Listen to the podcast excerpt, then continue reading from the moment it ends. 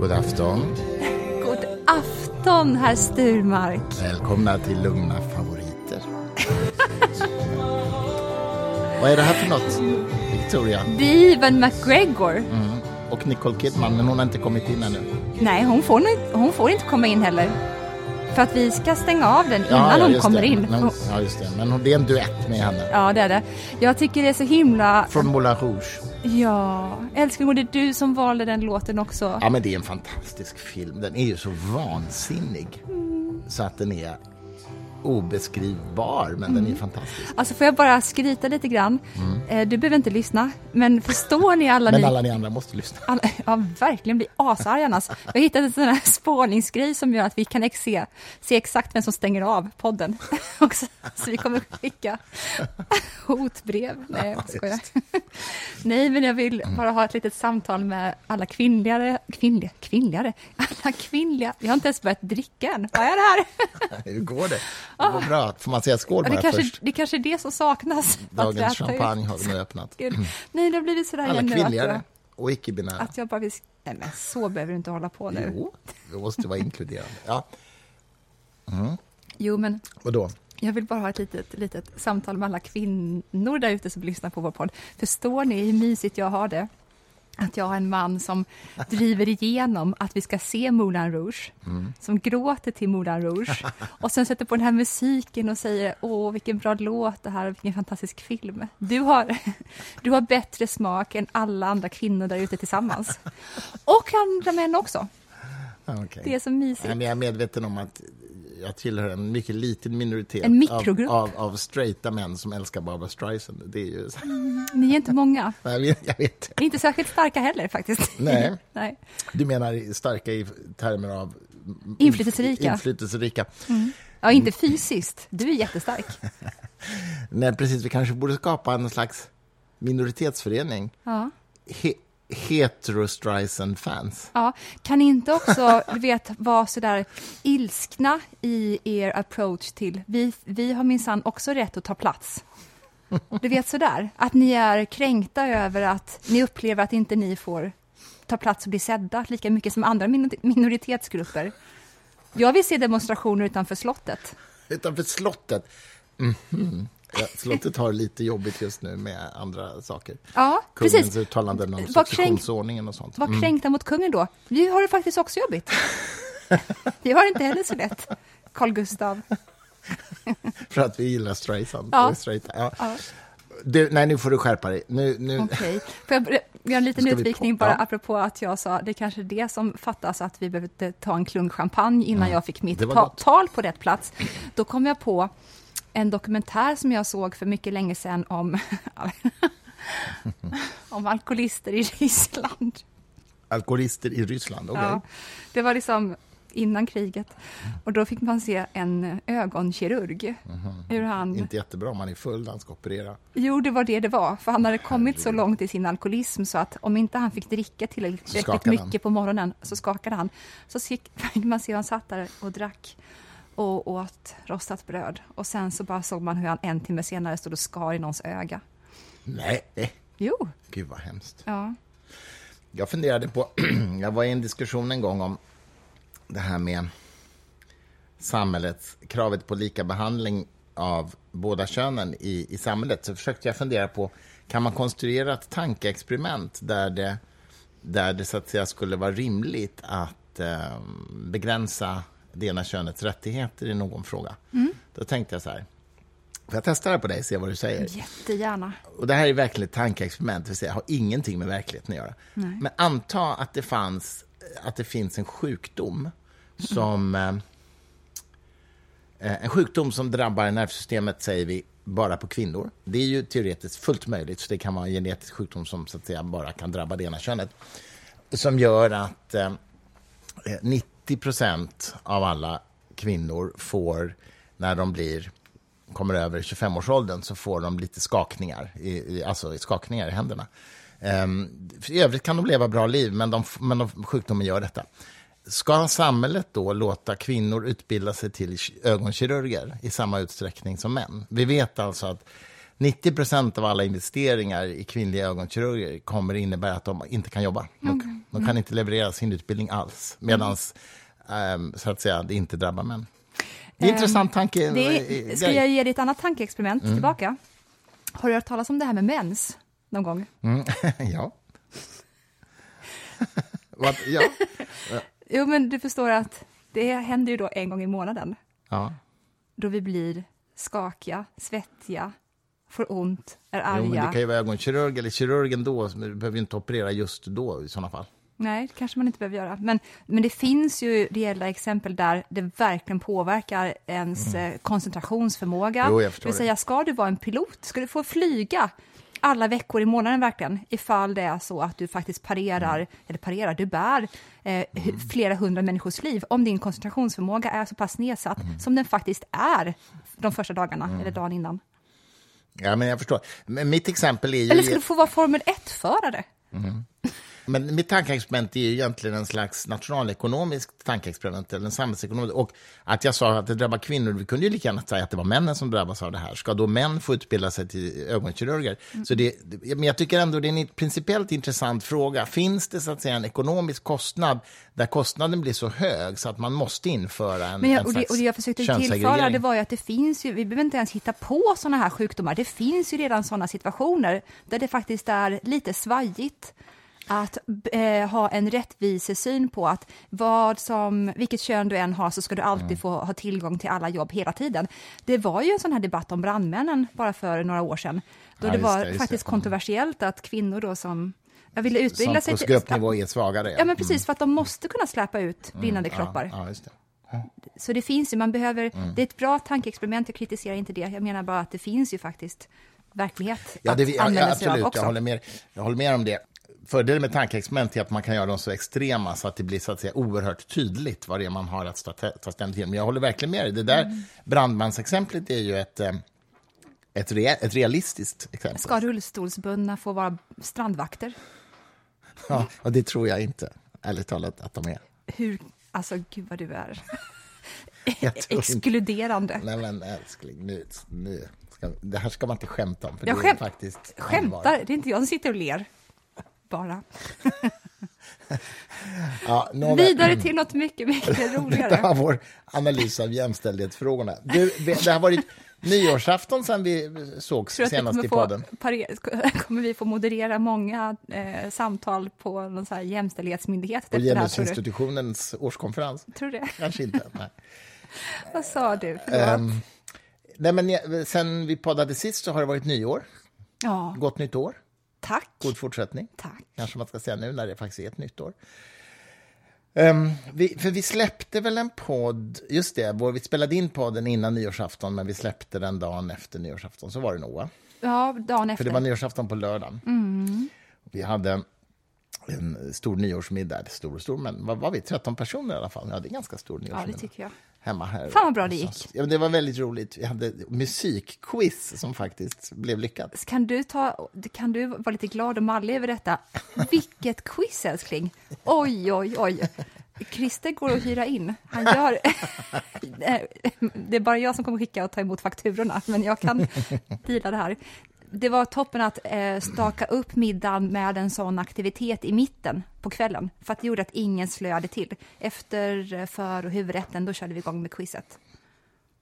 Två, ja. 200 bra frågor. Ja, men det var, det var faktiskt skitkul. Och då, tricket är ju att man helt enkelt ställer en fråga på, utifrån och så spelar man upp en låt och så får den snabbast svara. Mm. Och sen kan man gärna, tycker jag, då, ha typ två, tre följdfrågor som relaterar till den där låten. Mm. Mm. Eh, ja, jag kommer inte på några bra exempel nu, men det var, det var kul. Ja, men det var roligt mm. faktiskt. Mm. Det var ju, vi var 13 personer, men de, och vi körde, eftersom vi då tydligen älskar könsuppdelning, så körde vi en kvinna. ja, precis. Och helt ärligt, det var ju nästan bara Morgan och din exfru Gunilla som svarade. Det var de två De var ju bäst. Så att nästa år tycker jag att vi gör så här att det vi kör bara säga. Morgan mot Gunilla. Att det är bara de två. Och så får vi satsa pengar, de andra, på vem som ska vinna. Det är kul att de kör ett battle. Min son klippte några. Puccini klarade han. Ja. Det var inte dåligt, tycker jag. Uh, vi spelade upp uh, ett stycke ur, Puccinis uh, Madame Butterfly. Mm. Och så frågade vi vem, vilken kompositör det var, det klippte han. Ja. Och sen var frågan, vilken musikal har tagit en sång ifrån det här, det här stycket? Plagierat kan man nästan säga. Kan man säga. Det var nog Gunilla som tog den om jag minns rätt. Mm. Men det var ju mm, Led hans väg från Les Misérables. Bring him home heter den på engelska. Åh, den är så fin. Fantastisk sång. Ja. Eh, som ju faktiskt har plockat melodin, alltså sångmelodin är ju plockad direkt från Puccinis Madame Butterfly, det stycket som jag glömt vad det heter nu, men det är ett mm. stycke där ur i alla fall. Mm. På samma sätt som i Kristina från Duvemåla så... Ehm... Har Benny plagierat menar du? Precis, från La Traviata. Eller lånat, lite inspirerats av kanske man ska säga. Hela ouvertyren till La Traviata, hur den låter, har han tagit som huvudmelodi till den allra sista låten mm. eh, när hon dör, Kristina. Ja, eh, spoiler alert. spoiler alert. har ni sett den här förresten? Jätteroliga skämt. Bilden, eh, bilden, målningen, där någon, jag tror det är någon eh, målare från medeltiden som har målat Jesusbarnet i famnen på Maria då ska det då gestalta att han har kommit till världen. Men ja. då har den här målaren råkat måla dit också ett kors i bakgrunden, där Jesus hänger korsfäst. Nej. Som att de har liksom dekorerat Nej. stallet till det här nyfödda barnet med ett kors. Han har liksom missuppfattat kronolo kronologin. Det var ju inte jättebegåvat. Det är väldigt kul. Och det är någon som har lagt ut den och så, så skriver den personen då så här, spoiler alert, Förstår, jag... förstår, du det roliga? Jag, jag visste att du skulle förbise det, jag känner dig så väl nu. Förstår du det roliga i att någon skriver spoiler alert till den bilden? Nu klickar det in, eller hur? Vad var det du skickade mig en rolig skämtteckning också som, från nätet som var Värld, världens... Skämt som har gått för långt. Skämt som har gått för långt, vad var det nu? Det var att, vad heter det, Maria säger till Josef, God got me pregnant. Eller en, en, en, en vit lögn som har gått för långt kanske. Ja, det är nog mer så, ja. eller hur? Ja, för hon sa ju inte det som ett skämt, utan ett, sätt att komma undan en otrohetsaffär. Det är faktiskt jävla stamina man har, om man har varit otrogen, blir gravid och sen så kör man som ett skämt i stunden då. Det var Gud som fick mig gravid. Det, jag tycker inte ens, för att kalla stamina behöver inte ens vara ett skämt, utan det, inte så att man säger så här, ja, jag har varit otrogen med min chef ja, eller man... min granne, utan med Gud. Ja, alltså det är lite... Hon, hon är ju roligast i världen där. Lite så här själv, in, självgott. Inte nog med att hon tydligen har blivit gravid för att hon är otrogen. Hon drar ett skämt om att det var Gud också som har gjort det. Men du vet att eh, många teorier eh, kretsar ändå kring att eh, Maria var väldigt, väldigt ung när hon fick Jesus och att Josef eh, var mycket, mycket äldre och att han hade varit gift tidigare. Och att det är därför som eh, man ibland kan läsa om i Nya Testamentet Jesus systrar och bröder. Mm. Därför att det nämns ju inte överhuvudtaget att Maria får mer barn sen efter mm. Jesus. Eh, men däremot så är det så att Jakob är en som kallas för brodern till Jesus. Mm. Vad, vad, är du på gång att säga nu? För jag ser att du är lurig nu. Nej, nej, men brodern, Jakob, ja. hette han väl? Tänker du på låten nu då, eller? Broder Jakob? nej, är det det? det gjorde jag inte. Däremot tänkte jag på en roman av Philip Pullman som heter, vad heter Jesus... Mm. The Scoundrels Christ. Jag kommer inte ihåg vad den heter. Ja. Ja, men det, det, det, typ, mm. nej, men det, nej, jag hade inget mer att säga, men jag är väldigt glad över att du kommer in på Philip Pullman, för att mm. när vi precis hade träffats mm. och vi höll på att utforska varandra, vilka mm. vi är, sluta. Då så, vad heter det, gav du mig en bok av Philip Pullman som var eh, den här titeln som du syftar på nu, det är ungefär den där uh, lögnaren Jesus ungefär, alltså den som hustl, hasslade världen. Ja. The Liar, något sånt där. Och då kanske inte du riktigt var helt införstådd med att alltså, Jesus i min bok är ändå en, han står på pluskontot för mig. Mm, jag, vet. jag vet. Det är jättekonstigt, men... Uh, uh, den, den heter alltså, uh, på, eng, på svenska heter den den godhjärtade Jesus och Kristusbedragaren. Ah, heter den. den heter på engelska The Good Man Jesus and the Scoundrel Christ. Ah. Och hans poäng där är ju liksom att Jesus, individen, eh, hade en del bra att säga, men Ja, eh, men gudasonen Kristus var en bedragare. Och att det var det farliga. Nu tror jag att han har faktiskt svängt väldigt mycket, Philip Pullman, för att jag vet ju att när han skrev Guldkompassen och alla de böckerna, då, som du också känner till, utmålade han ju katolska kyrkan och dess företrädare som Satan i boken. De är Ja, eller svart- som i alla fall den onda kraften. Ja, just det. Ja, Mm. precis. Onda Eh, makten kan man säga. Mm. Men sen att jag har tvingat dig att se på en miljard föreläsningar med Ian McGilchrist, Mm. då har vi också sett Ian McGilchrists samtal med Philip Pullman och där framgår ju verkligen, förutom att han då har svängt och är nu då ett jättefan utav, man kanske inte ska säga svängt, panpsykism, älskar Philip Mm. Pullman nu för tiden, så är han ju också mycket mer positivt inställd till eh, eh, religiositet och eh, nu ser du misstänksam ut, men Mm. hear me out. Eh, han, jag tror att han var väldigt kategorisk förut, som någon annan jag känner. Jag vet inte. Mm. och att han då naturligt då var med i Humanistföreningen, eller humanist, internationella humanist... Vad heter ni Ja, utomlands? British, British, ja, I England heter det British Humanist Humanist Association. Just det, förlåt. Mm. Det är den Precis. engelska. Mm. Eh, Men jag har fått en känsla av att han har upptäckt vad faktiskt den kontemplativa eh, grenen inom de religiösa strukturerna är möjligt. är för någonting. Mm. Jag ingen och, aning, det, och det eh, upp, gör att han inte är, upplever jag, lika kategorisk längre. Mm. Ja, det är möjligt. Det är möjligt. Jag måste läsa på eller lyssna lite mer om vad han har sagt om detta. Mm. Eh, Jag kan rekommendera en bok om det, eh, för att han, den finns på Storytel. För där finns alla hans tal samlade Mhm. som han har hållit i Cambridge och i Oxford Mm. och på även eh, Humanist Society. Eh, och då så är det under en 20-årsperiod som Mm. eh, han har hållit de här talen. Och där, när jag lyssnade igenom dem, där är det verkligen en skillnad. Ja, intressant. Mm. Jag gjorde ju en lång intervju med honom när han var i Sverige Mm. och släppte den här boken som vi pratade om alldeles nyss. Eh, som är tryckt i tidningen Sans. Det här är ganska många år sedan, typ tio år sedan. Men, så jag har träffat honom en gång i alla fall. Eh, Mm. Hur var det? Var Ja, du men väldigt- starstruck utav honom? Vad sa du? Var du starstruck? Nej, det kan jag inte säga. Jag, alltså, ärligt talat kände jag inte till honom så väl i, innan den intervjun faktiskt. Han är ju vår, jag skulle väl nästan vilja säga att han är vår tids C.S. Lewis. Intressant. Mm. Nej, jag hade inte den kollen. Jag är ju inte så kunnig på skönlitteratur som du vet. Jag är ju en facklitteratursnubbe. Men nu, nu måste jag bara få backa en sekund, Mm. för nu kommer jag på ett väldigt, apropå det här quizet vi gjorde på nyårsafton. Mm. Jag ska ge ett exempel på, på hur man kan göra en, en fråga som jag, var rätt, som jag tycker var rätt nöjd med. Det var ju så här, jag spelade, nu, nu, det här blir ju en em, spoiler, för jag kommer ju berätta svaren, men jag spelade upp låten Smile som sjungs av Michael Jackson. Och då var första frågan, vem är det som sjunger? För låten Smile förknippas inte med Michael Jackson, men det, var, det klarade de rätt snabbt. Och sen jag vem som har skrivit Smile, och det är inte heller så jättemånga människor som vet, för det är ju nämligen Charlie Chaplin, och han är ju inte förknippad med att skriva låtar. Och jag vet inte om han har skrivit något mer än Smile, men just den låten har han skrivit.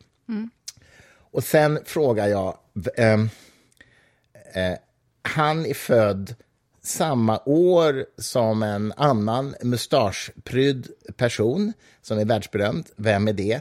Och det är också samma år som ett världsberömt dataspels eller spelföretag, numera dataspelsföretag, startades. Och det fick ju folk eh, snurr i huvudet på, för att då tänker man ju att det kan inte vara så himla länge sedan. Det är ju eh, konstigt. Chaplin är ju död sedan länge. Hur kan han ha varit född samma år som ett dataspelsföretag startade? Och vem är då denna mustaschprydda person? Som jag tror jag sa också, som han har spelat på film, eller gjort parodi på på film. Ja, där Någonting blev det lite lätt. Det var Ja, tur det. För det var ju Hitler. Ja, precis. Och så Charlie Chaplin och Ha- och Hitler födda samma år. Ja, och båda har, har ju mustasch. Är Wittgenstein också född i året? För Ja, det vet- ringer en klocka. Det För jag vet att de gick, Hitler och Wittgenstein gick i samma skola. Och det finns, eh, en, det finns alltså en bild, det här är det sjukaste, det finns en bild på Hitler och Wittgenstein i samma klassfoto. Ja, jag känner igen det. Ja, jag känner igen det. Ja. De är inte helt olika. Förutom då att den ena är Det är jude. massmördare och den andra är jude. Ja, precis. Precis, ja. Ehm, och sen är det ju då så att folk tror ju knappt när man säger det att företaget Nintendo grundades alltså 1889. Ja. Och det är ju, eh, naturligtvis gjorde de inga dataspel då, obviously, men de gjorde, de gjorde spel. Det var ett spelföretag redan från början, men det var ju bra, brädspel, såna fina gamla Mm. Älskar japanska Nintendo. brädspel. Och sen har de evolverat med tiden och blivit ett dataspelsföretag. Det är lite kul tycker jag. Det är väldigt kul. Så, så, så var en fråga. Men du, Nej, vänta, får Ja. jag bara göra en liten utvikning Ja, på din utvikning? varsågod. Eh, apropå eh, Charlie Chaplin, så han gifte sig ju väldigt sent. Han var säkert gift fler gånger än en, men det, hans sista fru i alla fall Una. var, var ju Una O'Neill. Och hennes pappa var ju Eugene, Ja. Eugene O'Neill, som skrev Lång dags färd mot natt. Ja. Nu blir jag genast nervös att jag säger fel, men jag är nästan helt övertygad om att visst är det Lång dags färd mot natt. Eh, men under tiden som jag go- googlar på detta... Jag kan berätta att jag reste med min ungdomskamrat Magnus Levin, Ja, det är O'Neill. Mm. eh, reste till Schweiz. Eh, Lausanne kan det ha varit det, för mig det. Och åkte förbi deras hus faktiskt, där de bodde. Jag måste Vadå, tänka... där är ju sken... Nej, där, nej, Una och Charlie Chaplin. Jag bara funderar på om han fortfarande levde då, för att nu pratar vi... Det här måste ha varit 1980... åt- eh, 86 eller något sånt där. Alltså, Ja, det gjorde han säkert. Mm. Han blev ju jättegammal, men Charlie Chaplin var ju då alltså eh, 35, 40, en miljarder år äldre än Uma. Una, heter hon Uma eller Una? Mm. On, Ona tror jag. O, Vad som är lite speciellt det är att innan Una blev ihop med Charlie Chaplin, då var hon tillsammans med J.D. Salinger, Ja, som men, skrev Räddaren wow. i nöden. Ja. Och hon var då Vad märkligt. typ 14-15. Och han var väl då, som det var på den tiden, säg 19-20. Men sen blev han inkallad i kriget och skulle åka iväg. Och han var besatt utav henne. Han skrev en miljard brev till henne om och om igen. Och eh, när han kom tillbaka så hade hon ju gått vidare. Och många tror ju att det var det som gjorde att han fick en knäpp. För att, eller, det är ju aldrig så att man bara går från normal till att få en knäpp och sen är man psykiskt sjuk resten av livet. Förmodligen var han väl inte helt stabil innan hon inte svarade på hans brev. För att inte. vad som hände med J.D. Salinger efter detta i nöden, det var ju att han blev en ensling som bara var besatt av att grooma unga tonårstjejer och bodde på landet helt undangömd från världen och ingen lyckades få en bild på honom. Han kunde bara liksom leva på royaltyn från Räddaren i nöden. Och sen då hade han som huvudintresse 14 och 15-åringar. Det är en grej. Ofräscht, minst Eh, sagt. Very, very. Men tänk då att eh, J.D. Salinger, som inte då kanske var eh, helt i mittfåran, ändå får en annan galning att läsa den här boken som sen då skjuter Lennon. För du vet att han som sköt Just det, Lennon, vad heter Chapman, Mark Mark Chapman. Chapman, ja. Han hade ju läst Räddaren i nöden om och Ja, om igen det, just det, just och trott sig i den boken se budskap som talade till honom, som uppmanade honom att skjuta Lennon. Så var det. Wow. Ja. Mm.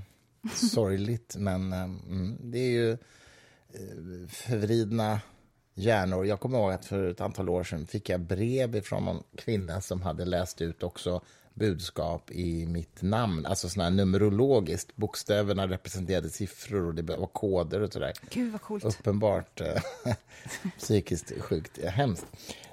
Vår, vår tonårsresa till Schweiz för övrigt, när vi passerade Chaplins hus, det var egentligen en bieffekt. Vi var egentligen på jakt efter David Bowie som också bodde där då, som vi aldrig lyckades se, men vi lyckades se hans hus i alla fall. Mm, var det fint? Så nördiga var vi på den tiden. Och vi eh, träffade en familj vars dotter, som då var barn, hon kanske var 10, 11, 12, sådär, då när vi var där, gick i, jag måste bara tänka, kan det stämma? Ja, det kan nog stämma. Eh, hon gick i samma klass som Bowies son där, för han gick i, i privatskola i, i Schweiz.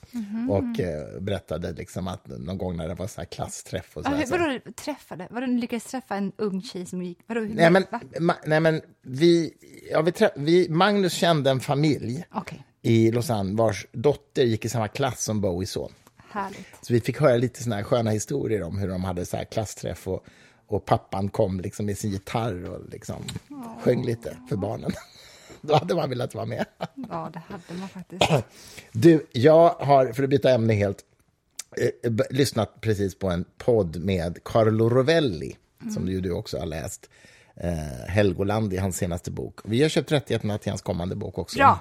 Som handlar om vita hål, som är ett eh, fenomen i universum som jag inte ens vet vad det är ännu faktiskt. Aldrig hört talas om. Eh, men han är ju så fruktansvärt skicklig författare. Och, skriver berättare. Om, och berättare. Om, skriver om ju fysik helt enkelt på ett sätt som är väldigt vackert och poetiskt. Men den här podden, det är så otroligt spännande. Han berättar om kvantfysik och forskningen eh, på det.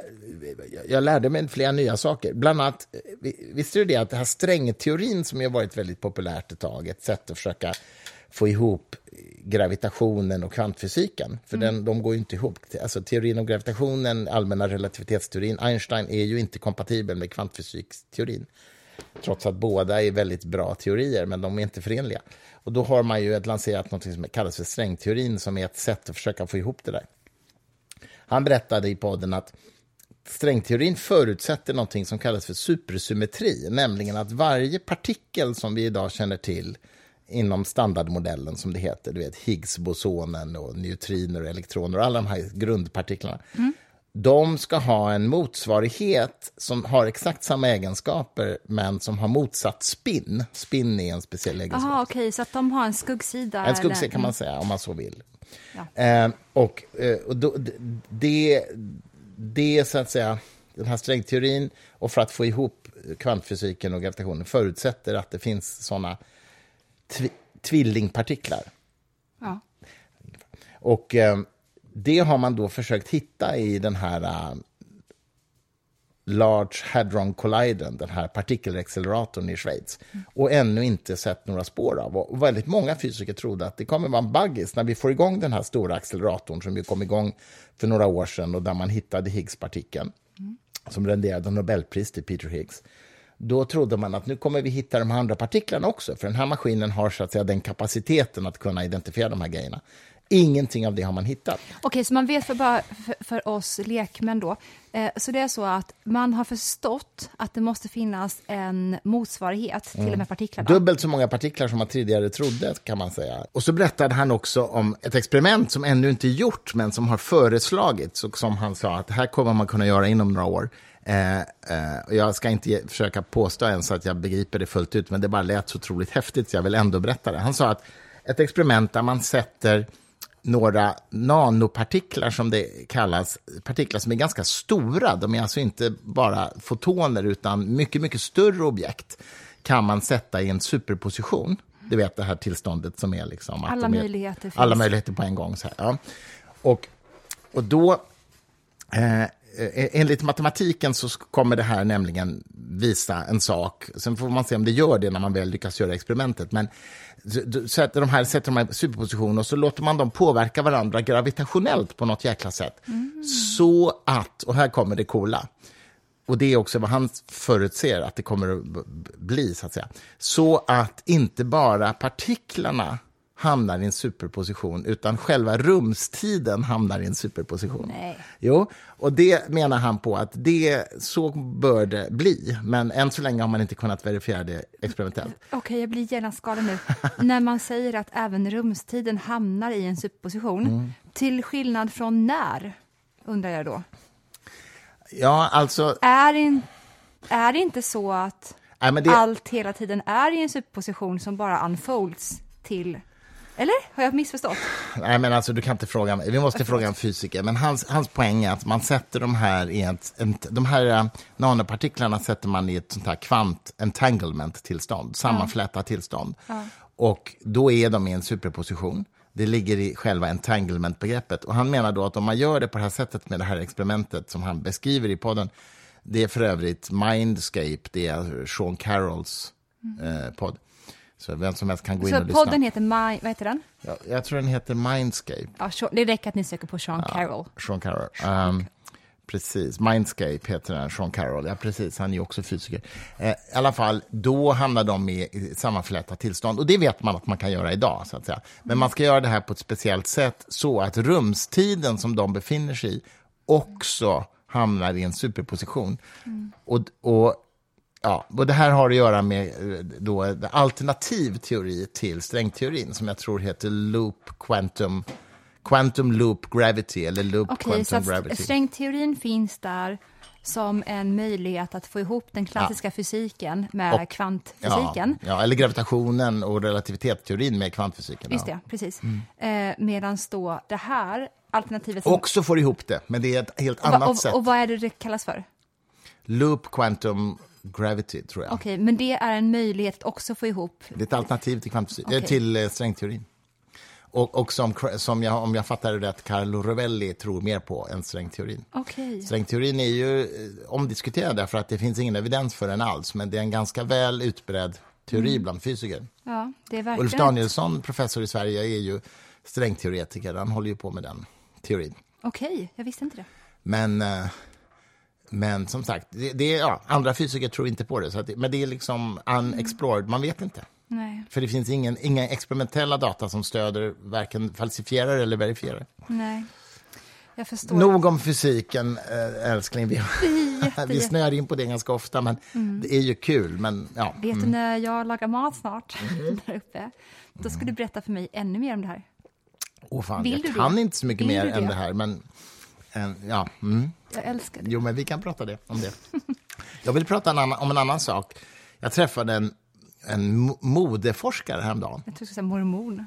vilket var otroligt kul. Mm. Alltså, som sysslat med mode vet, rent vetenskapligt. Visste du till exempel att den här oerhört starka genusfixeringen vid rosa och blått som ju väldigt många människor har, att pojkar ska ha blått eller ljusblått när de är barn och flickor ska ha rosa. Den, det var precis tvärtom för eh, ungefär 1920. Då var de färgerna lika starkt genuskodade fast åt andra hållet. Det vill säga det var flickor som skulle ha ljusblått och det var pojkar som skulle ha rosa. Och det eh, bottnade då i, i, och det här kan ju du mer om än jag, men att man ofta avbildade Madonna, Jesusmodern. Jung, precis, Jungfru Maria Ja. avbildas eh, i alla klassiska verk. Med ljusblått. Ja, eller, Men- eh, eller mörkblått faktiskt. Så är det. För Just jag det. tror att... Det, Ja, blått i alla fall. Ja, blått. För att när man avbildade, när man gav eh, små pojkar en ljusblå färg sen, Mm. då är det en inte lika potent version utav den blåa. Ja, men vänta, vänta. För att den här modeforskaren sa så här att, att det blåa symboliserade moderskapet och omvårdnad. Ja, just det. Eh, eh, ja, som ju är klassiskt kvinnligt kodat, så att Mm. säga. Så att den blåa färgen var ehm, det omvårdande, Hennes, det kvinnliga. Mm. alltså Marias huvudduk som hon har på sig är ofta intensivt blå. Ja. Medans då, medans då eh, rött Ja. var alltid maktens färg. Ja. Och därför var rosa hade man på pojkar som ännu inte hade blivit män. Så var Det det. var så det var, ja precis. Det är alltså en inte lika stark, inte lika potent version av rött. För att de har inte kommit in i puberteten Nej. än, så att de är halvmän kan man Ja. säga, pojkar. Halvpotenta så att säga, makt, halvmakt har de. Så, att, så därför var rosa, det var den manliga barnfärgen och ljusblått var den kvinnliga barnfärgen. Och sen någon gång efter 1900-talets början, så enligt den här modeforskaren som jag pratade med, så var det tydligen den belgiska kungafamiljen som eh, var lite så här, de gillade att vara lite konträra och, och lite busiga, så att de bytte det här på sina barn. De, de körde mot, motsatt. Och då blev det trendigt i societeten att göra som kungafamiljen. Så att då kodades det här De om. var, de var punk och alla bara, okej, nu gör vi så här då, Nu för vi vi vill också vara punk. Och jag tycker det är så kul när man liksom fattar att det finns en sån idéhistorisk liksom, eh, berättelse om de här färgerna. När man möter människor idag som säger så här, nej men självklart måste min dotter ha rosa eller min son ha ljusblått. att Inget, det- ingen jävla genusskola här Nej, inte. precis. eh, precis. Och, så, och så är det så uppenbart en social konstruktion som dessutom var tvärtom. Det finns för- ingen tidigare för 100 social konstruktion. Nej, Precis. jag tycker bara det är lite kul. Och det är verkligen, jag minns när Leo, min, min son, var eh, så liten så han satt i barnvagnen någon gång jag skulle flyga med honom. Jag vet inte om du vet det, men på, på Arlanda så kan man liksom låna en barnvagn så att man ska gå igenom säkerhetskontrollen så här, om man har ett barn som inte kan gå själv. Och då, kan man, då finns det två varianter. Och, och en är, jag vet inte om den är rosa, men det är i alla fall så här blå och, och, och lju- ljusröd eller någonting. Och, så här. och jag brukade alltid ta tvärtom då. Där gick du. Södertörn på dem. Då gick jag, så jag tvärtom. Och du vet, Och du vet, då blir de så här, lite stressade så här, i, i, säkerhetskontrollen. Så här, vet inte om de ska säga, för du vet, då var Leo kanske sex månader. ser inte vad det är Så man ser heller. inte jättesäkert vad det är. Nej. Och då visste de inte hur de skulle tillta. Det Men är det inte så otroligt att man fortfarande än idag inte helt hundra får döpa en flicka till Anders till exempel? Är det så? Ja, gud. Alltså, det är så uppdelat i att de här namnen har män och de här namnen har kvinnor. Mm. Och sen finns det vissa namn för föräldrar som vill vara lite alternativa, typ Kim Mm. och så. Fast det kan ju finnas, jag kan nog tycka att det är rimligt ändå, för att det är av rent pragmatiska skäl. Det skapar Att det inte, för mycket förvirring. Att det inte, nej men vi kanske inte ska använda barnen i könskampen som främsta vapen exakt. heller. Dels för att skapa förvirring, dels för risken för mobbing. Och, så här. och det är ju inte för att man tycker att det är rättfärdigt att mobba, utan bara för att det är ett faktum. Det är inte, nej, det är inte rätt. Precis, exakt. Men vet Så du vad, bland de största, du vet det här med härskartekniker, Mm.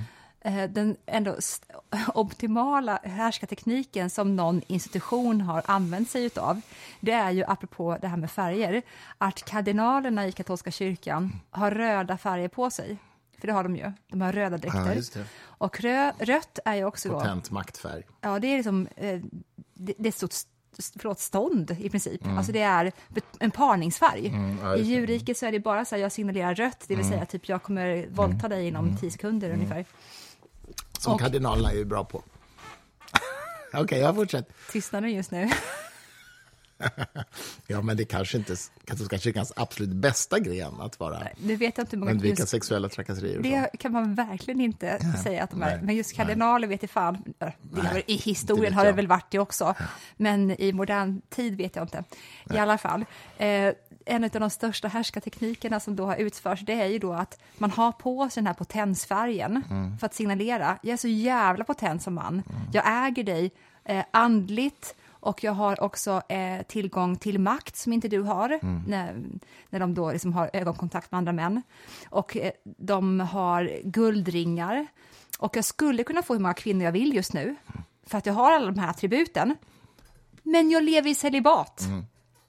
Därför äger jag dig ännu mer. Mm. Ja, men det är Förstår som påfågelstjärtar. Nej, men förstår du inte hur otroligt det är? Det finns ingenstans i hela djurriket där någon har de här attributen av makt och palats och ringar på fingrarna. De har allt det här världsliga och sen väljer de dessutom bort att ligga.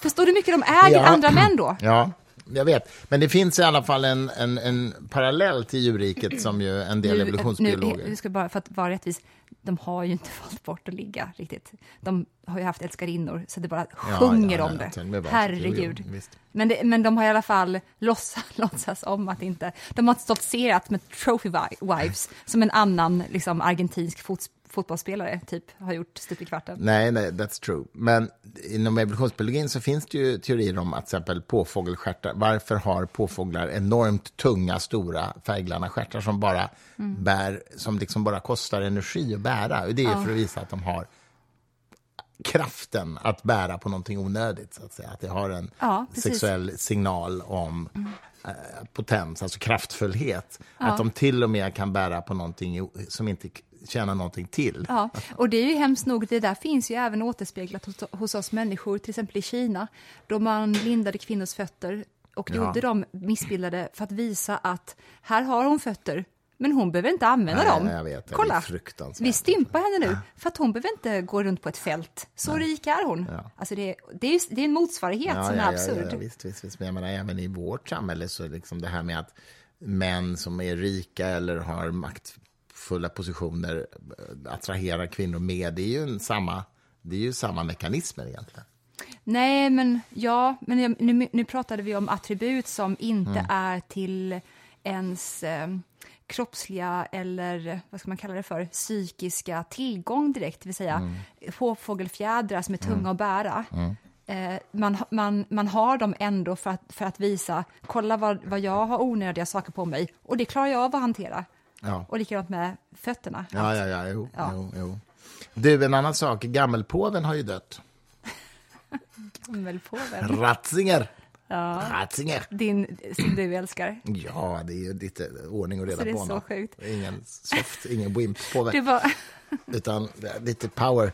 Lite Eh, power. Ordning och reda på läraren. och lite tysk reda. Ingen, ingen, eh, ingen sån här postmodern, eh, sekulariserad påve. tro. Franciscus Det gillar du inte. Som är lite Ska man vara troende enligt dig ska man vara det full-blown. Ja, ja, man vara ja. bokstavstroende. Det ska vara ordentligt. Nej, men Ratzinger var ju chef för troskongregationen, heter det så? Mm. Eh, alltså läro, de som sköter om den katolska läran. Precis, och är till de- att den är ren. Det som tidigare var inkvisitionen blev till den Ja, organisationen. inkvisitionen. Det är Mm. grejer det.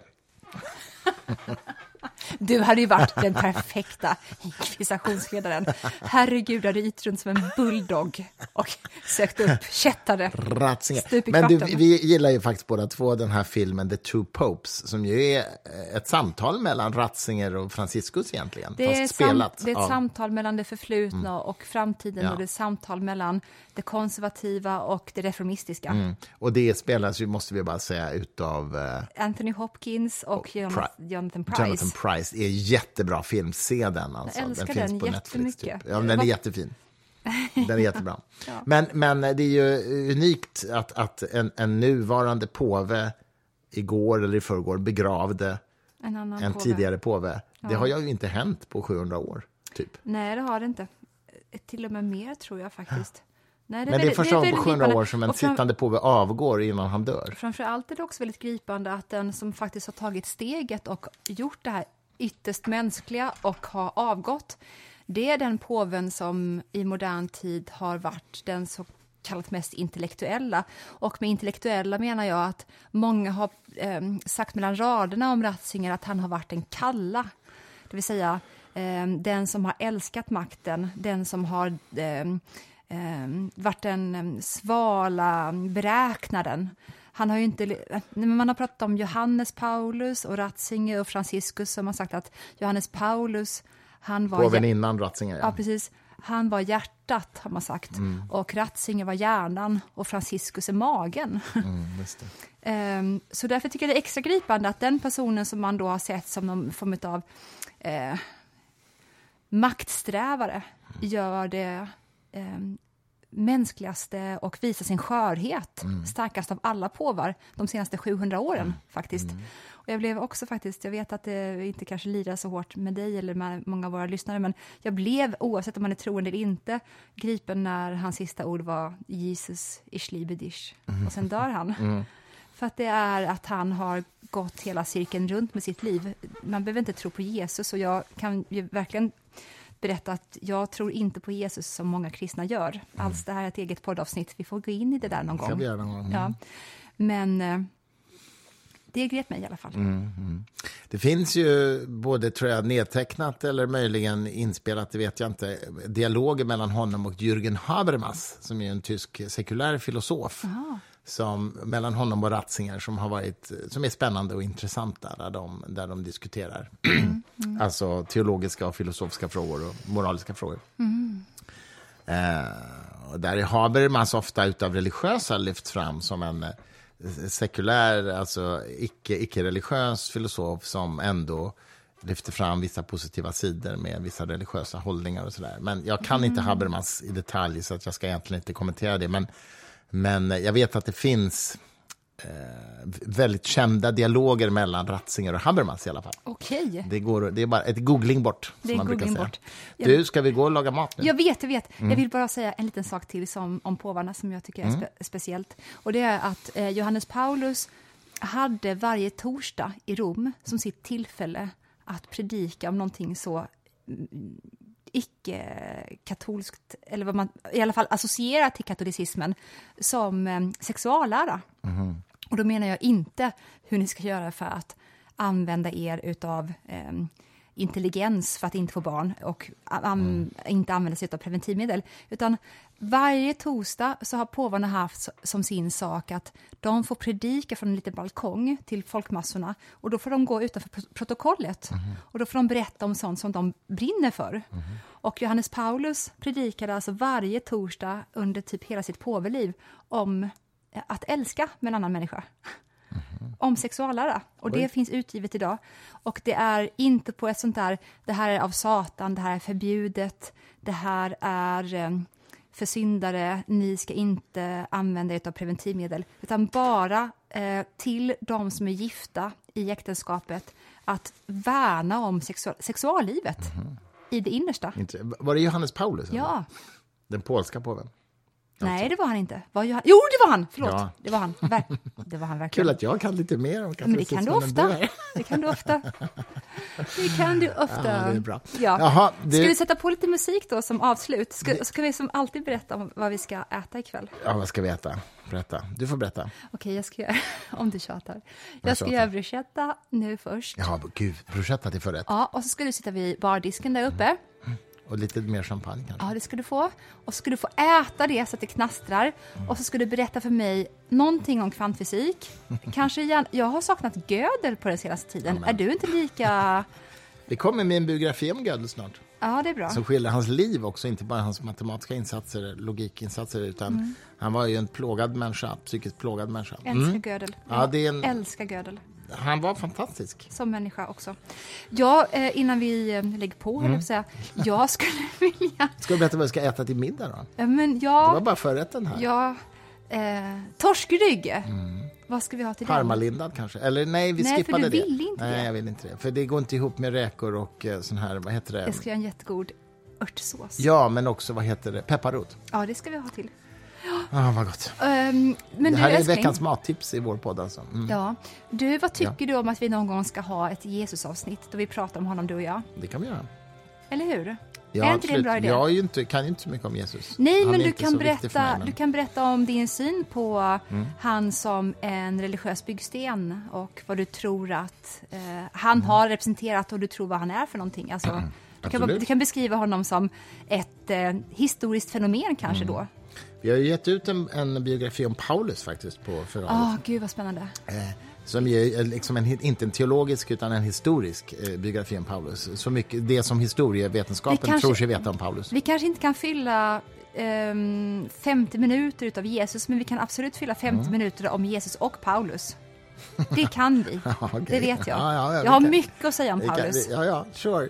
Han var, han var ju, han var ju liksom vdn för firman. Jesus var ju visionären. Jesus var ju entreprenör, eller liksom... Han var inte- Steve Jobs. Han var, ja, precis. Och Paulus var den som styrde Pepsi, upp som kom från Pepsi. Vad heter han? John Scully. Ja, så var det.